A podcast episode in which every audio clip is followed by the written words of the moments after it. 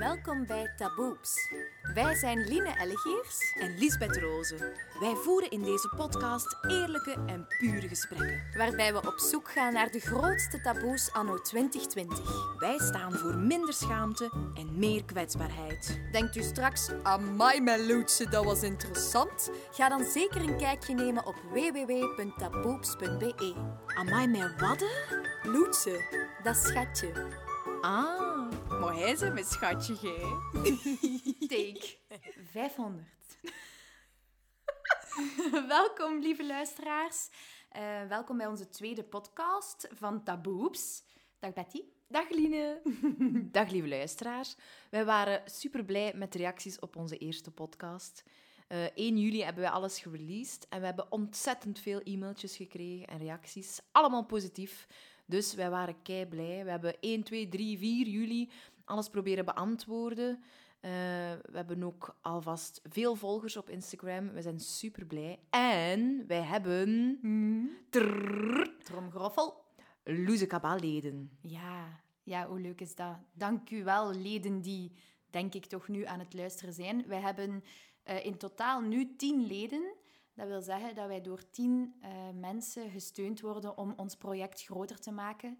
En, lieve leden, er komt een pretpakket naar jullie toegestuurd. Ja, één deze. Dus hou jullie eh, post in de gaten. Ja, kei leuk. We hebben een derde gast in onze middenlieden. Toppootje ligt onder onze tafel. Toppo is mijn hond, lieve luisteraars. Dus sorry als jullie af en toe wat gelek of geblaf of gezucht horen. Het is van mijn hondje. Ons volgende onderwerp voor de tweede podcast hebben wij samen gekozen. En dat is, Line. Eh, body image en eetstoornissen. Ja, en alles Ehm, daar rond. Ja, ik denk... Ik vind het best spannend om het daarover te hebben. Of ik vond het best spannend om het daarover te hebben. Want eh, dat ligt heel dicht bij onszelf. En ik Ja. denk dat dit alles, taboeps, is ontstaan uit eerst en vooral die gesprekken dat wij samen hadden. Ik krijg duizend berichten per dag, zeker in deze tijden, coronatijden, van mensen, van vriendinnen die zeggen: Ik ben te dik, ik moet nog sporten, ik moet dat doen, ik moet dat doen, ik moet gaan lopen. Vetje hier, vetje daar. En ik vind dat heftig. En dat is gevormd door de maatschappij, denk ik, de dag van vandaag. Eh, er zijn andere tijden geweest, ehm, maar wij zien zoveel in magazines, op tv, op social media, waardoor dat wij misschien een beetje gebrainwashed worden soms. Of wij worden overspoeld met ideeën van hoe we er zouden moeten uitzien. Ja, en, het ideaalbeeld. ja. en zelfs eh, meisjes of eh, jonge vrouwen zoals wij, die bijna dertig zijn, zijn daar enorm hard mee bezig. Dus niet alleen pubers of jongeren of, of jonge vrouwen of jonge mannen, Mhm, ehm, maar ook zelfs nog la- op latere leeftijd. mhm. We worden daar zo door overspoeld dat wij constant in de spiegel aan het kijken zijn. Dat wij constant denken, wat zal ik aantrekken waardoor ik er goed uitzie. Wij zijn twee actrices, wij worden daar heel vaak mee geconfronteerd op een auditie, eh, in een kleedkamer. eh, dus wij zien ook alle soorten, maten en vormen. En toch wil je voor jezelf het beste. Toch wil je dat perfecte lijntje hebben. En wij kunnen het niet accepteren als dat niet zo is. Ja, en dat is mooi gezegd, vind ik. We- Je accepteert je eigen lichaam niet. En dat is zo jammer. Ja. Ehm, en dat is alomtegenwoordig nu. Hè. Ik bedoel, dat is bij bijna elke... Dat is in om, om te diëten. Het is Ja. in om te vinden dat je te dik bent of zo. Om, om overdreven veel te sporten, om in je sportkledij naar buiten te gaan. Om... Ja, en we vergelijken onszelf zo hard de hele tijd Ja. met elkaar. Heb jij ervaring met eetstoornissen, Line? Ehm, kijk, ik vind het moeilijk om daarop te antwoorden, want ik zou onmiddellijk zeggen nee, omdat dat de aanvaarde vorm is. Om te zeggen, maar nee, geen eetstoornissen. Maar doordat wij ons zo verdiept hebben in dit onderwerp, wil ik eigenlijk zeggen, ehm, ergens een mini beetje wel, want ik vind mijn relatie tot voeding en mijn lichaam niet altijd in balans.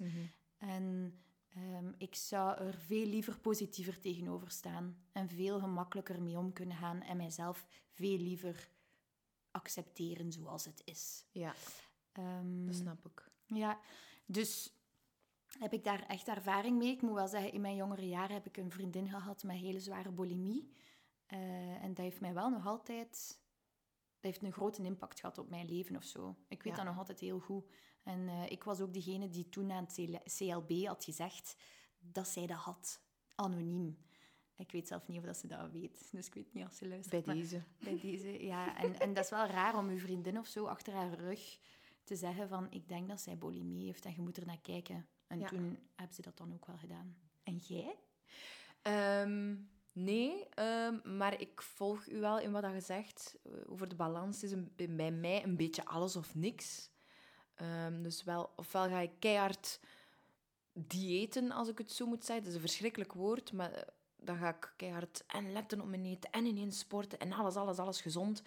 En, en soms denk ik, oh, fuck it all. En dan, dan laat ik mij gaan en dan hier een wijntje en daar een kaasken. En, en dan ga ik helemaal over de rode.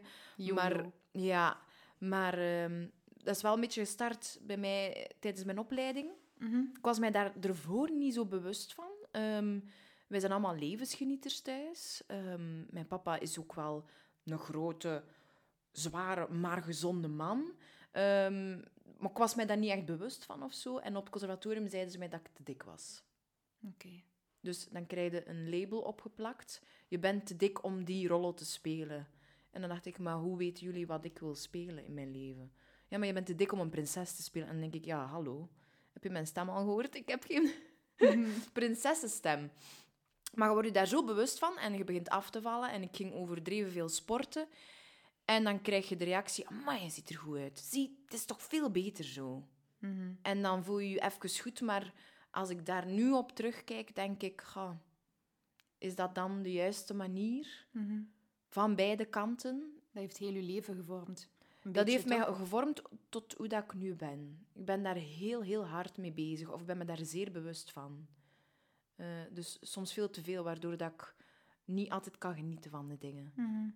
Of, of dat ik ook eh, mij vergelijk met mijn papa. Ik lijk op heel veel vlakken op mijn papa. En dan denk ik ook, oei ja, ik heb wel een beetje zijn lichaamsbouw. En dan denk ik, ah, ja, misschien kan ik, niet, kan ik het niet maken om mezelf helemaal te laten gaan en, ehm, en, en zwaar te worden in mijn beroep. Is dat zo? Ik weet dat niet. Mhm. Ik wil mij gewoon gezond voelen. Ja. Gezond, ik wil kunnen gaan sporten. Ik wil ook kunnen genieten. Ik vind de balans is eh, heel belangrijk, maar heel moeilijk. Ik ben op mijn 18 jaar naar Argentinië getrokken als uitwisselingsstudente. En ehm, toen ik vertrok, woog ik 57 kilo. En ik kwam daar aan en mijn familie, die, ehm, die verschoten van hoe mager ik was. Zij zeiden, amai, krijg jij geen voedsel in België? Jij bent ondervoed, jij bent te mager. Ehm, dus die hebben mij daar vol gepropt met lekkere dingen. Ik kon ook niet anders dan ja zeggen op dat moment. Het kon mij ook eigenlijk toen helemaal niet schelen. Maar zonder dat ik het besefte, dus onbewust, ben ik zeker maandelijks een kilo bijgekomen. Dus ik kwam na zeven maanden terug rond het gewicht van 64 kilo. En ik kwam terug hier en toen dacht ik, oh my god, ik ben zo zwaar geworden precies. Ik moet, dat moet er allemaal terug af. Ik ben als een gek beginnen sporten. Maar ik heb ook niet al die kilo's daar terug afgekregen. Maar ik wou eigenlijk gewoon wijzen op het feit dat in een andere cultuur of zo, in Zuid-Amerika, is dat niet zo extreem. Nee. Zij hebben gewoon een ander beeld van lichaam. Daar is, is als je voller bent of als je een vrouw bent, dat staat gewoon voor vruchtbaarheid. hè. Ja, en voor Ja. vrouwelijkheid. En, Ja. zij, en zij zagen mij zo graag. Als ik dan 64 kilo woog, dan, ja, dan vonden zij mij mooier. En zij wouden zelf nog meer. En zij, ja, zij voeden mij echt zo voor hun. Eat more. Ja, maar zij zijn ook armer of zo. En zij vonden dat gewoon belangrijk. Voor hun is dat nog altijd een status van...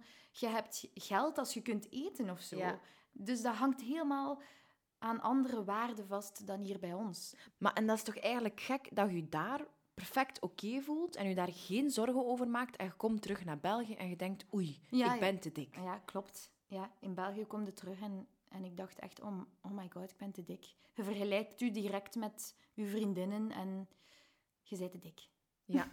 In uw hoofd. En wij zijn niet te dik. Dat willen we even zeggen. Wij, zijn, wij vinden onszelf niet elke dag, elke minuut dik. Wij zijn dat ook niet en wij beseffen dat ook. Ja, het is belangrijk dat we dat aanhalen, inderdaad, omdat dat inderdaad een heel gevoelig onderwerp is. Of een gevoelig iets is dat mensen zeggen, ik ben te dik, te dik. Je moet ook zien bij wie dat je dat zegt en welk verhaal dat er achter iemand anders zit. Maar ik vind het wel gek hoe hard dat we ermee bezig zijn. Ja, dat is een gevoel. Dat is een gevoel dat je soms helemaal overmand. Ik denk dat elke vrouw, elke man, dat misschien wel een keer meemaakt in zijn leven. Maar stel je een keer een leven voor, Betty, waarin dat je dat niet hebt. Is dat niet zalig? En we zullen allemaal koekerond zijn. Koekerond. maar oké, dus wij lazen allebei het boek van Sabine Peters. Yes. Lief voor mijn lijf. Mhm. En zij kwam praten over haar eetstoornis en vooral over body positivity. Irisse, Sabine Peters.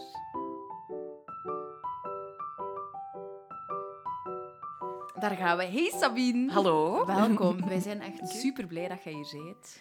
Dank u voor mij uit te nodigen. Ja. Heel tof. Wij volgen nu op Instagram. We hebben jouw boek gelezen, Lief voor mijn lijf. Ja. Eh, en wij waren allebei geïnspireerd, toch? Ja, Dank we u. zijn nu super, super, super dankbaar voor het schrijven van dat boek. Want ik denk dat er heel veel jonge mensen, maar ook Ja. dertigers van onze leeftijd, Ja, daar wel. veel aan hebben.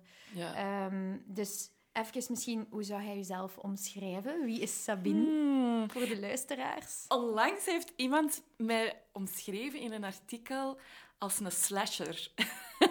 Wat is dat? Dat klinkt super agressief. Maar de, Ehm, als in, eh, ik ben make-up artist slash journalist slash Ah. spreker slash...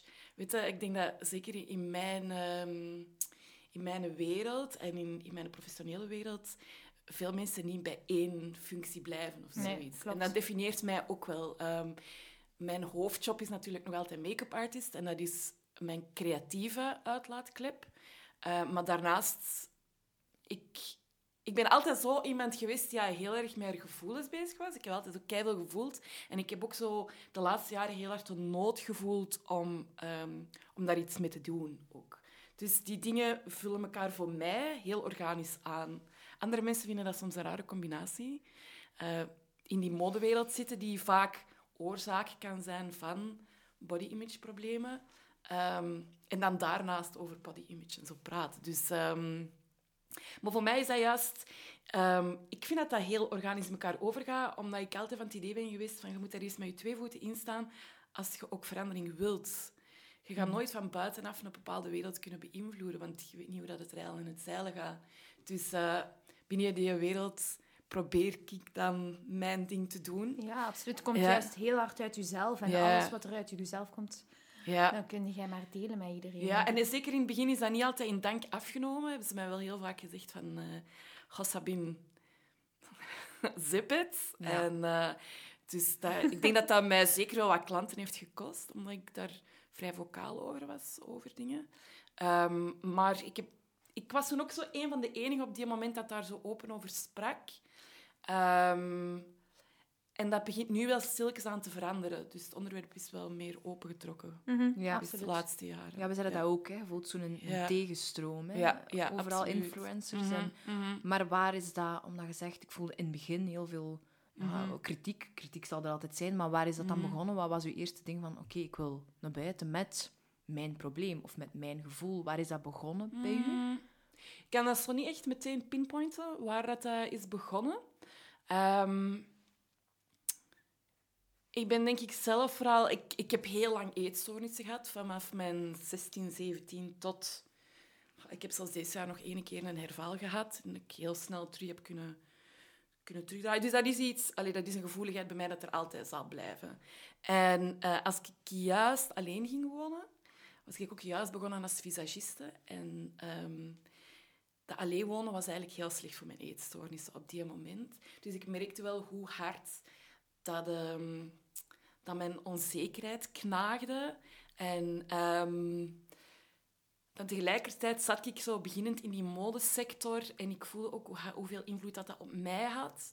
En dan ben ik me daar eigenlijk ook meer en meer in beginnen verdiepen. In mezelf, maar ook in, niet alleen in de modewereld aan zich, maar in het hele body image en body positivity. Want dat zijn twee verschillende verhalen. Ehm, maar in, ja, in die hele tak, denk ik. Maar dan moet je soms ook dingen durven benoemen. En op dat vlak heb ik daar niet zoveel schrik van, van dat te doen. Maar daar komt wel bij dat mensen u dan niet altijd zo graag horen of zo. Nee. Ehm, Omdat maar- je zo direct bent. Of om... Ja, ja als ik, ik, ik kan me herinneren dat ik ooit eens een verhaal deelde op sociale media over een, een kindje dat wat zwaarder was. En ehm, zij had beelden gezien in een magazine en ze wou heel graag dat haar buik verdween. En het was, het was zo'n soort verhaal. En dan kreeg ik bijvoorbeeld van een stylist, waar ik toen heel vaak mee samenwerkte en nu al lang niet meer heb gehoord, zo de opmerking dat... ehm, ja, dat dat uit zijn context getrokken werd en, en dat ik het allemaal een beetje stil moest houden. En ja, echt zo van, oh my god, en what the fuck, ze hier aan het delen? En die kritiek ehm, ja, werd zo, zo toch niet altijd goed onthaald. En ik merk dat nu nog altijd wel dat mensen mij, denk ik, soms wat storend vinden. Maar ik moet zeggen, Ik mag ook. we hadden, we hadden filmpjes gezien op Instagram als we, als we wisten dat je kwam. En we zeiden tegen elkaar, amai, het is wel een felle, hè? Ja, maar dat is goed, dat is juist goed. Ja. Maar je zegt dus een strijd, eh, eetstoornissen. Hoe lang heeft die strijd geduurd? Misschien zelfs tot nu nog. Is dat iets dat je hele leven... Voor mij wel dat... Wat niet wil zeggen dat dat... ehm, dat dat voor iedereen dat met eetstoornissen gekampt heeft, ehm, daar altijd heel veel moeite mee zal hebben. En voor mij is dat ook niet altijd of zo. Ehm, maar ik merk wel dat zeker in tijden van heel veel onzekerheid, zoals bijvoorbeeld nu de hele coronaperiode, dat is iets... Dat is van een niveau dat je nog nooit hebt meegemaakt. En zeker die eerste periode vond ik dat zo... ehm, ja, hoe moet ik het zeggen? Het- Ik, ik voelde mij precies in de film zitten of zoiets. De, in een of andere foute ja, science fiction film of zoiets. En dus al die onzekerheid wakkert dat dan toch weer terug een klein beetje aan, omdat dat u al jaren mijn bron van eh, controle was. en, en als dan alles heel raar wordt en heel, ehm, heel onduidelijk, dan is dat nog wel altijd het eerste van controle waar ik naar op zoek ga. Ja. Dus op dat vlak ehm, moet ik daar dus elke keer wel op letten. Dat is, als er een moeilijke periode is of een heel onzekere periode, moet ik echt daar heel duidelijk mee bezig zijn en tegen mezelf, wat, allee, op mezelf inpraten. Dat, ehm, voor mij is dat wel iets waar ik eh, mee moet bezig zijn. Ik merk ook dat ik soms nog altijd heel gevoelig kan zijn of heel snel getriggerd kan worden. Ehm, als, en ik, ik heb het ook wel uitgesproken, want dat moet ik dan ook wel doen, vind ik. Ehm, nu met die hele coronaperiode, heel veel mensen daarna zeiden van ja, ik moet op dieet, want coronakilo's. En iedereen rond mij was aan het diëten, diëten, diëten. En super hard aan het sporten. En ik vind op zich niks mis met op je eten letten of, of graag sporten of zo, want ik, ik doe dat ook. Maar ik vond dat zo triggerend, omdat gesprekken daar gewoon 24-7 over gingen in mijn omgeving. En dan merk je dat dat heel hard op mijn gemoed inwerkt. Dus ik moet dat wel blijvend in doog houden. Hè? Ja. Ja. Ja, dat kan zo wel nog wel een klop geven van tijd. Ja, ja. Ik denk dat eigenlijk mijn job, wat al langs de ene kant ooit heel triggerend was, mij wel heel hard heeft geholpen. Ehm, daarvoor was ik altijd een beetje de, de, niet echt een bolleboos op zich, maar ik was wel iemand dat vooral altijd heel erg naar hoofd bezig was. En ineens had ik een uitlaatklep in het creatieve gevonden. En ik was er dan ook nog eens goed in. En, en dat ging carrièregewijs, had dan een hele goede start genomen. Maar ik voelde toen wel door mijn eetstoornissen dat ik niet 100% daar was. Dat vreet je energie echt compleet op. Hè? En dat was ook zo. Ik stond altijd moe op set en dan kun je gewoonweg niet 200% presteren. En ik voelde dat, dat, dat, ehm, dat het een het andere een beetje was aan het beïnvloeden. Allee, een beetje, heel erg was aan het beïnvloeden. En ehm, dus ik voelde nou wel van... ga ik, mijn carrière is zo belangrijk, mijn job is zo belangrijk. Ik wil niet dat die eetstoornissen, die toen al heel veel kapot hadden gemaakt, eigenlijk, dat ook nog eens kapot ging maken. Dus dat was voor mij al wel zo de gedachtegang dat al langer bezig was. En ik heb wel therapie gevolgd ook. Niet specifiek op eetstoornissen, maar wel met oud trauma en triggers. En wat dat voor mij ook een hele grote was, was... ehm, ik was uiteen met mijn lief, waar ik mee had samengewoond toen. En ik vond dat heel zwaar, terug, al- allee, terug, ja, terug alleen wonen. ik, ik had heel veel bulimie-aanvallen en zo. Dat was, ik was mezelf totaal aan het verliezen. En ik wilde het plots niet meer. Dat was echt ineens van, ik wil deze niet meer. Ik ben toen beginnen trainen met uh, een personal trainer, maar echt iemand die ook medische opleiding heeft gevolgd. En ehm, uh, iemand die uh, functional, in het, een tak function, functional training zit, Max. En dat bleek een hele goede set te zijn geweest. Ik heb hem in het begin verteld waar mijn achtergrond was. En um, die heeft me eigenlijk terug in contact, in contact gebracht met mijn lichaam. Dus ik merk dat ook nu, in slechte periodes, lijkt, lijk ik zo wat vervreemd van mijn lichaam of zo. Alsof dat je hmm. zo niet één zei. Ja. Maar ja, dat, dat daar ja, daar zit een ruimte tussen en die twee zijn aan het vervreemden van elkaar. En die heeft daar zo voor de eerste keer voor gezorgd dat ik, terug, ik echt terug durfde voelen. Zo. Ik letterlijk mijn huid voelen, mijn spieren voelen. Als ik die beweging maak, wat doet mijn lichaam dan? Dus terug helemaal respect voor de functionaliteit. Dus het heeft dan totaal niets met uiterlijk te maken. Het heeft puur met respect voor de functionaliteit te maken. En niet dat dat op 1, 2, 3 dan in orde was, hè, maar dat was wel voor mij een, een, hele grote, een heel groot kantelmoment.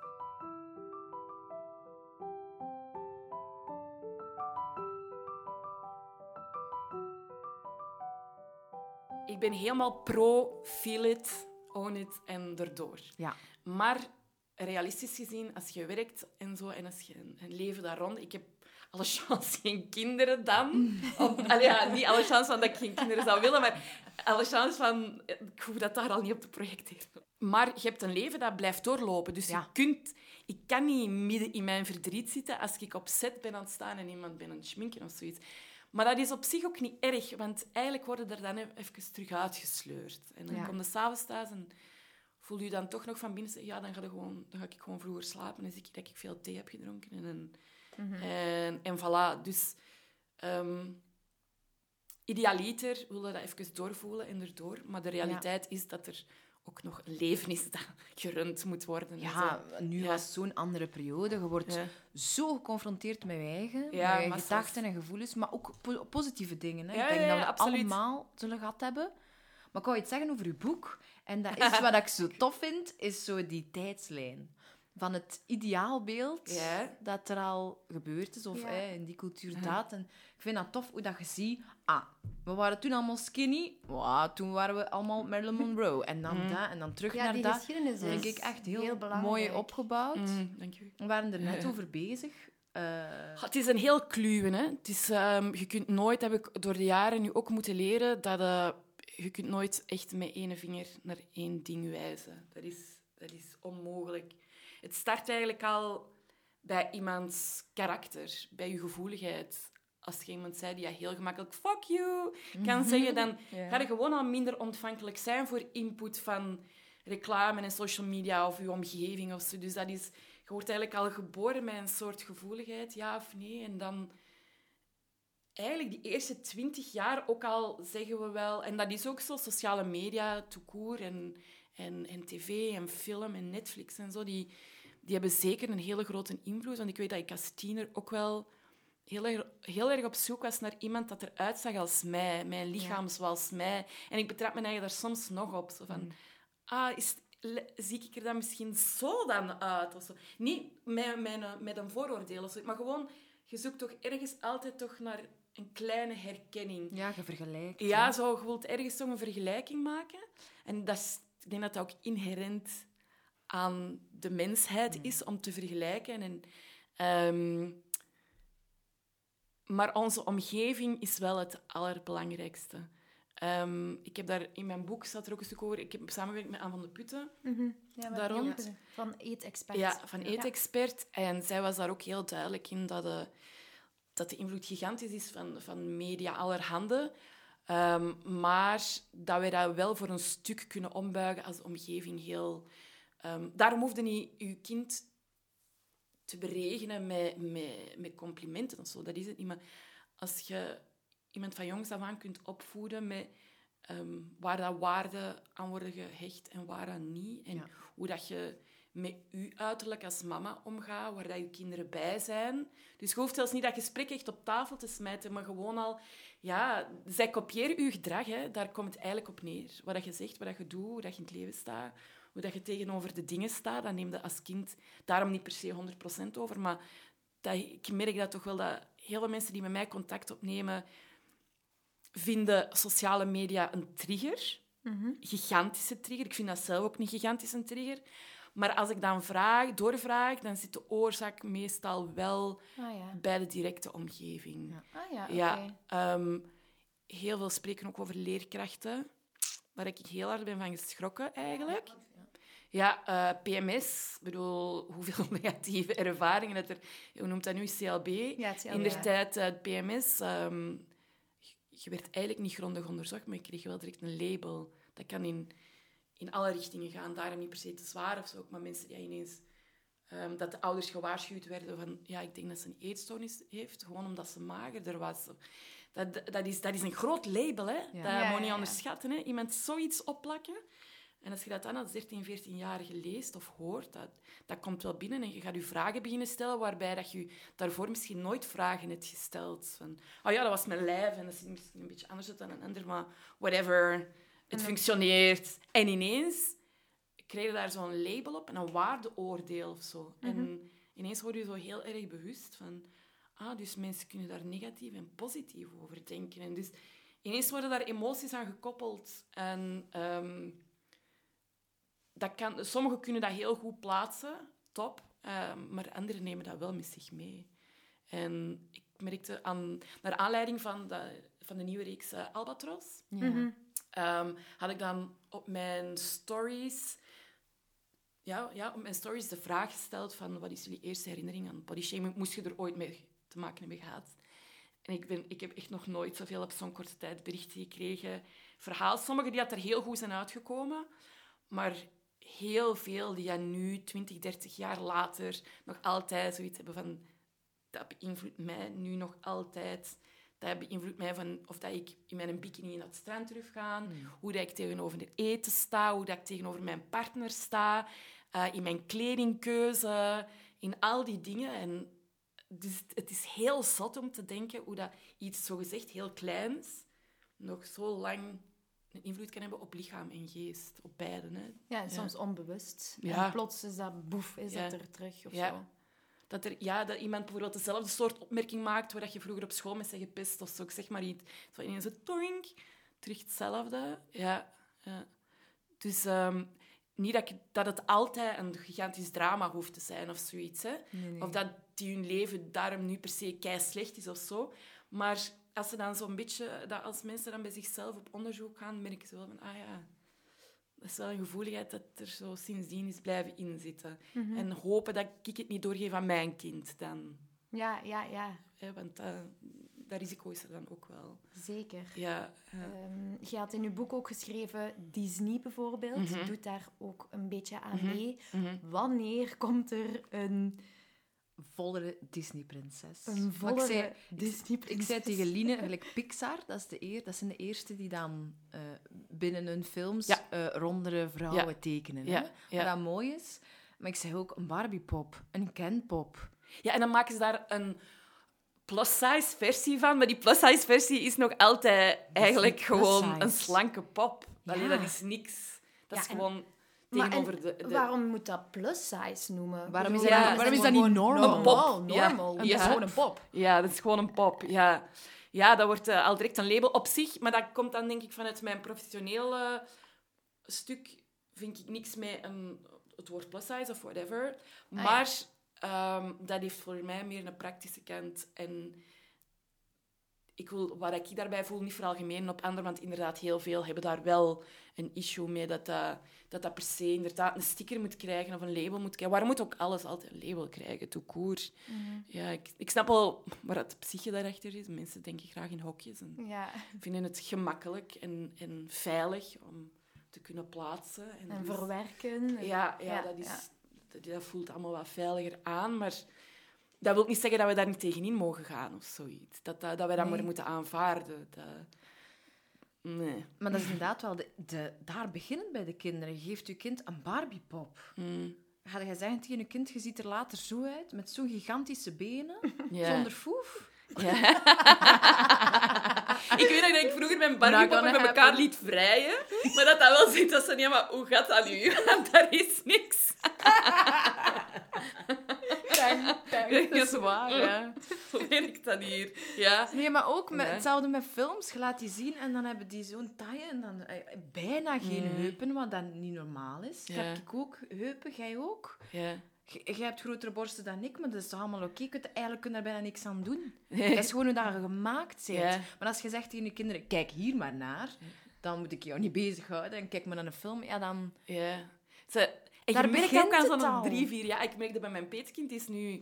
eh allee, meetkind, die is, die is zes. En ik, ik vond dat vroeger heel schattig. Hoe hard dat die iets overnemen, ook qua taalgebruik van Ja. tekenfilms. En ineens beginnen die Hollands te praten. Dat is wel zo... huh? En, eh, maar dan merkte gewoon hoeveel dat die daarvan overnemen. En op een heel onschuldige manier. Maar hoe snel dat dik voor hun een scheldwoord is. Hoe snel dat die connectie Ja, ja, ja. tussen dik en niet goed daar ligt. Zelfs, hè, want dat, dat, is, dat is het kind van, van mijn beste vriendin en haar, en haar papa. Dat zijn super body positive mensen. En toch, ja, op school of zoiets hebben die dat dan opgepikt. En meteen is daar slecht dik. Of, of bijvoorbeeld dan huidskleur ook. Want, want, want body image Ja. gaat meer dan over een lichaamsvorm. Ook Ja, bij ja, huidskleur. Daar wordt dan een waardeoordeel aan vastgeplakt. En dat is zo snel. Ik snap niet van waar dat die dat per se Maar halen. je beschreef dat ook heel mooi in je boek. Hè? De, een prinses had een dunne neus, mooie lipjes, kleine wangetjes. En dan de slechterikken in Ja. het verhaal zijn soms zwart, huidskleur, hebben een lange neus, een scherpe kin. Dus wij zijn alle drie slechterikken. Wij zijn slechterikken. ja, absoluut. We hebben heupen. Ik herken me daar wel in. Ja, maar dat is ook... Ik, ik las dat in de week ook nog ergens op sociale media. ehm, bijvoorbeeld Ursula van de, de Little Mermaid. Ja, ja, dat was ook in der tijd zo een van de enige dikke tekenfilmfiguren dat ik kende. En dat was dan direct zo... Ja, dat was dan een Dus-. Ik vond dat coole griet, hè. Ja. Maar dat was... Ik, ik sta echt te springen op meer materiaal, zowel tekenfilm als film, als serie. Van een, een, een dikke vrouw, of een dikkere vrouw, die, waarin dat haar lichaam niet het issue van het verhaal is. Ja, Ja. ja, Want ik ben bijvoorbeeld heel blij met de serie Albatros. Hè. Dat is echt ik- heel content van, maar het gaat wel weer over dat lichaam. Dus ik denk dat we pas echt een hindernis over zijn als dat lichaam geen onderdeel van het verhaal is. is. Dat dat gewoon, ik zeg maar iets, een vrouw is die carrière is aan het maken, die ja, op Tinder is aan het gaan en op Tinder dates is aan het gaan en misschien met je naar bed gaat en ze is drie keer klaargekomen of ze is helemaal niet klaargekomen, want hij was niet goed. En weet je wel, zo, het, het, het hele verhaal waar dat ik en jij en heel veel mensen zullen meemaken, maar dan in een serie of een film gegooid. Dat, ehm, ja... de- waar ik vroeger naar opkeek, en dat, schiet me nu te binnen, is zo Queen Latifah. Dat was Ja. dan voor mij diegene waar Oh, ik me echt, echt in herkende. Als in lichaamsvorm, natuurlijk niet huidskleur, maar wel zo die coolness en... Ja, en, en die had toch nog een zacht kantje, maar die was ook wel fierce. En dat is zo de, een van de enige dat mij te binnen schiet. Want wat dat mij dan wel kan irriteren, is dat er dan gebruik gemaakt wordt van fatsuits. Of dat ineens actrices of influencers zich heel hard gaan krommen om toch maar te laten zien van... Kijk, ik ben body positive, want kijk, ik heb één, één kwapje. Ik heb hier ook een stukje cellulitis. Zegt ze al bewegend op haar stoel. Jullie kunnen haar niet zien, maar het is heel grappig. Je, maar zo helemaal wringen om zo toch mee op een populair onderwerp, onderwerp te kunnen zeilen. Ja, ja, ja, klopt wel. Ehm, ik wil gewoon dan echt een zware vrouw zien. Of een zware man, of, of, of ehm, LGBTQ. Allee, dat, qua gender wil ik me daar niet over uitspreken. Maar ehm, ik wil dat die echt zijn. En niet dat dat verwrongen is of in een vetsuit gestoken wordt. Ja, bij deze willen we de luisteraars ook vragen. Als er mensen zijn die misschien eh, verhaaltjes, want er zijn wel boeken, eh, video's, allee, of tekenfilms Mm. of dit of dat, waar dat dan meer wordt Ja. Eh, duidelijk gemaakt. Eh, Geef ons dat door, Ah ja, reageer dat, zodanig dat wij dat ook kunnen delen, Ja. zodanig dat dat een beetje algemener wordt. Ja, Dus, luisteraars. bij deze.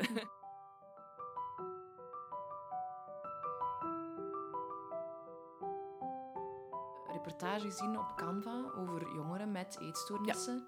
En, ehm, en de gevolgen daarvan. Er waren ook twee meisjes, ja. ja. twee meisjes die zelfmoord hebben gepleegd uiteindelijk. Heb jij soms meisjes die u aanspreken daarover? Letterlijk vijf minuten voordat ik hier binnenstapte. Echt? Ja, ik kreeg nog een bericht van een meisje ehm, die ja, zei van ik, ik voel mij super slecht, ik voel mij verschrikkelijk, ik vind mijn lichaam verschrikkelijk, ik weet niet meer wat ik moet doen en ik ken u niet en jij kent mij niet, maar eh, ik durf deze naar niemand anders te sturen. En ik denk dat ze van mij ook weten dat ik daar ook geen oordeel rond heb of zo. Ehm, en ze stuurde dan ook een foto van zichzelf. En ja, weet je, je wilt daar ook even zo een tijd voor pakken. Ehm, het ding is wel dat als iemand echt heel diep zit, kan ik niet heel veel doen. Nee. Ehm, en ik kan luisteren dan, maar dat gaat ook maar tot een bepaald punt. Want ik kom dan in het vaarwater van psychologen en psychiaters, maar ik ben daar niet voor opgeleid. Dus ik kan alleen maar hun een, een luisterend oor bieden en punten van herkenning en erkenning geven en, en, en aanhoren en zo.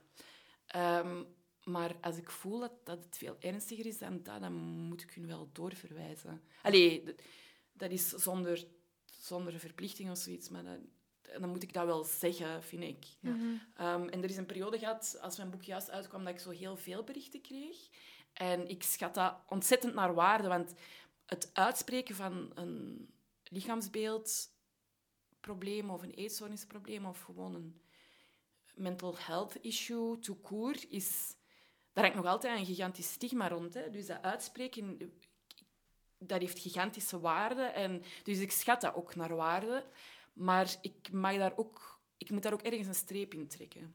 Ja. Naar hun toe, om hun te beschermen en hun de beste oplossing aan te bieden, zijnde die therapeut of dat centrum of dit of dat. Maar ook naar mezelf toe, want ik ga daar wel mee slapen soms, met die dingen. Sommigen beginnen zich heel hard aan mij te hechten. En dat is tot op een bepaald punt voor mij oké, omdat eh, ik, ik herken dat. Als, als ik echt met mijn twee voeten nog in die, in die vooral in die anorexia-fase zat, op mijn 17, 18, de mensen die mij toen hielpen, daar, ik zette mijn klauwen daarin. Dat was echt... En ik werd daar heel psychisch afhankelijk van. Dus ik herken die afhankelijkheid wel. Ehm, dus dan gaat er bij mij direct zo een lampje branden. Maar dan weet ik ondertussen ook hoe dat ik daar wel een, een lijn in het zand moet, moet trekken, natuurlijk. Want ehm, dat klinkt keigrof, maar dat zijn mijn vriendinnen niet. Nu, mijn community sowieso is wel heel fijn. Even afkloppen, maar ik heb heel weinig te maken met trolling of zo. En ik, het grappige is wel dat ik heb wel veel jongeren, maar mijn grootste deel ehm, is tussen de 25 en de 45.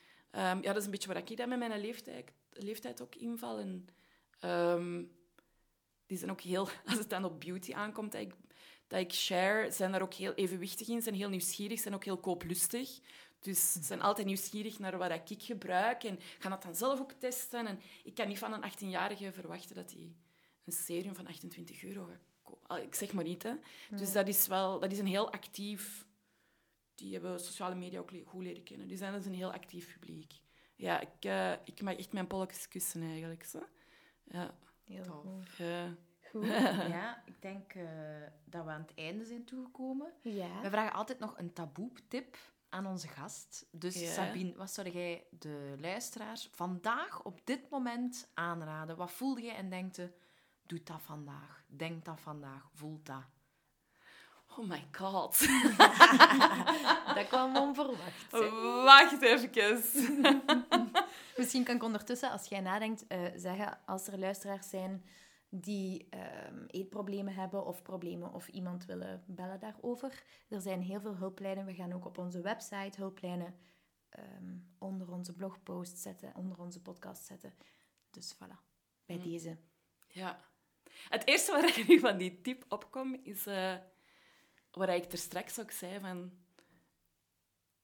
ehm, als referentie ook in het body image verhaal. Van, voelt echt je lichaam, voelt de signalen van je lichaam. Wat voelde vandaag? Wat je lichaam nodig heeft? Is dat slaap?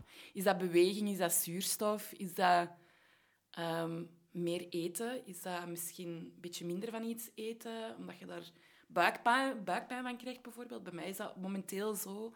Ehm, dus luister echt naar de signalen vandaag van wat je lichaam en je geest waarschijnlijk nodig heeft. En dat is eigenlijk het enige wat je altijd kunt doen, is zo, ja, luisteren naar uw body en uw lichaam is uw body. En, ja, en daarop inspelen. Hm. Dat is mijn tip, denk ik. Bedankt om te luisteren naar Taboeps. Vond u deze podcast Freewise? Volg ons dan op Facebook en Instagram. Deze gesprekken zijn gratis beschikbaar, maar wij kunnen alleen maar groeien door uw steun. Sponsor Taboeps en word onze loze kaba. Loeze kawa? Meer info op www.taboeps.be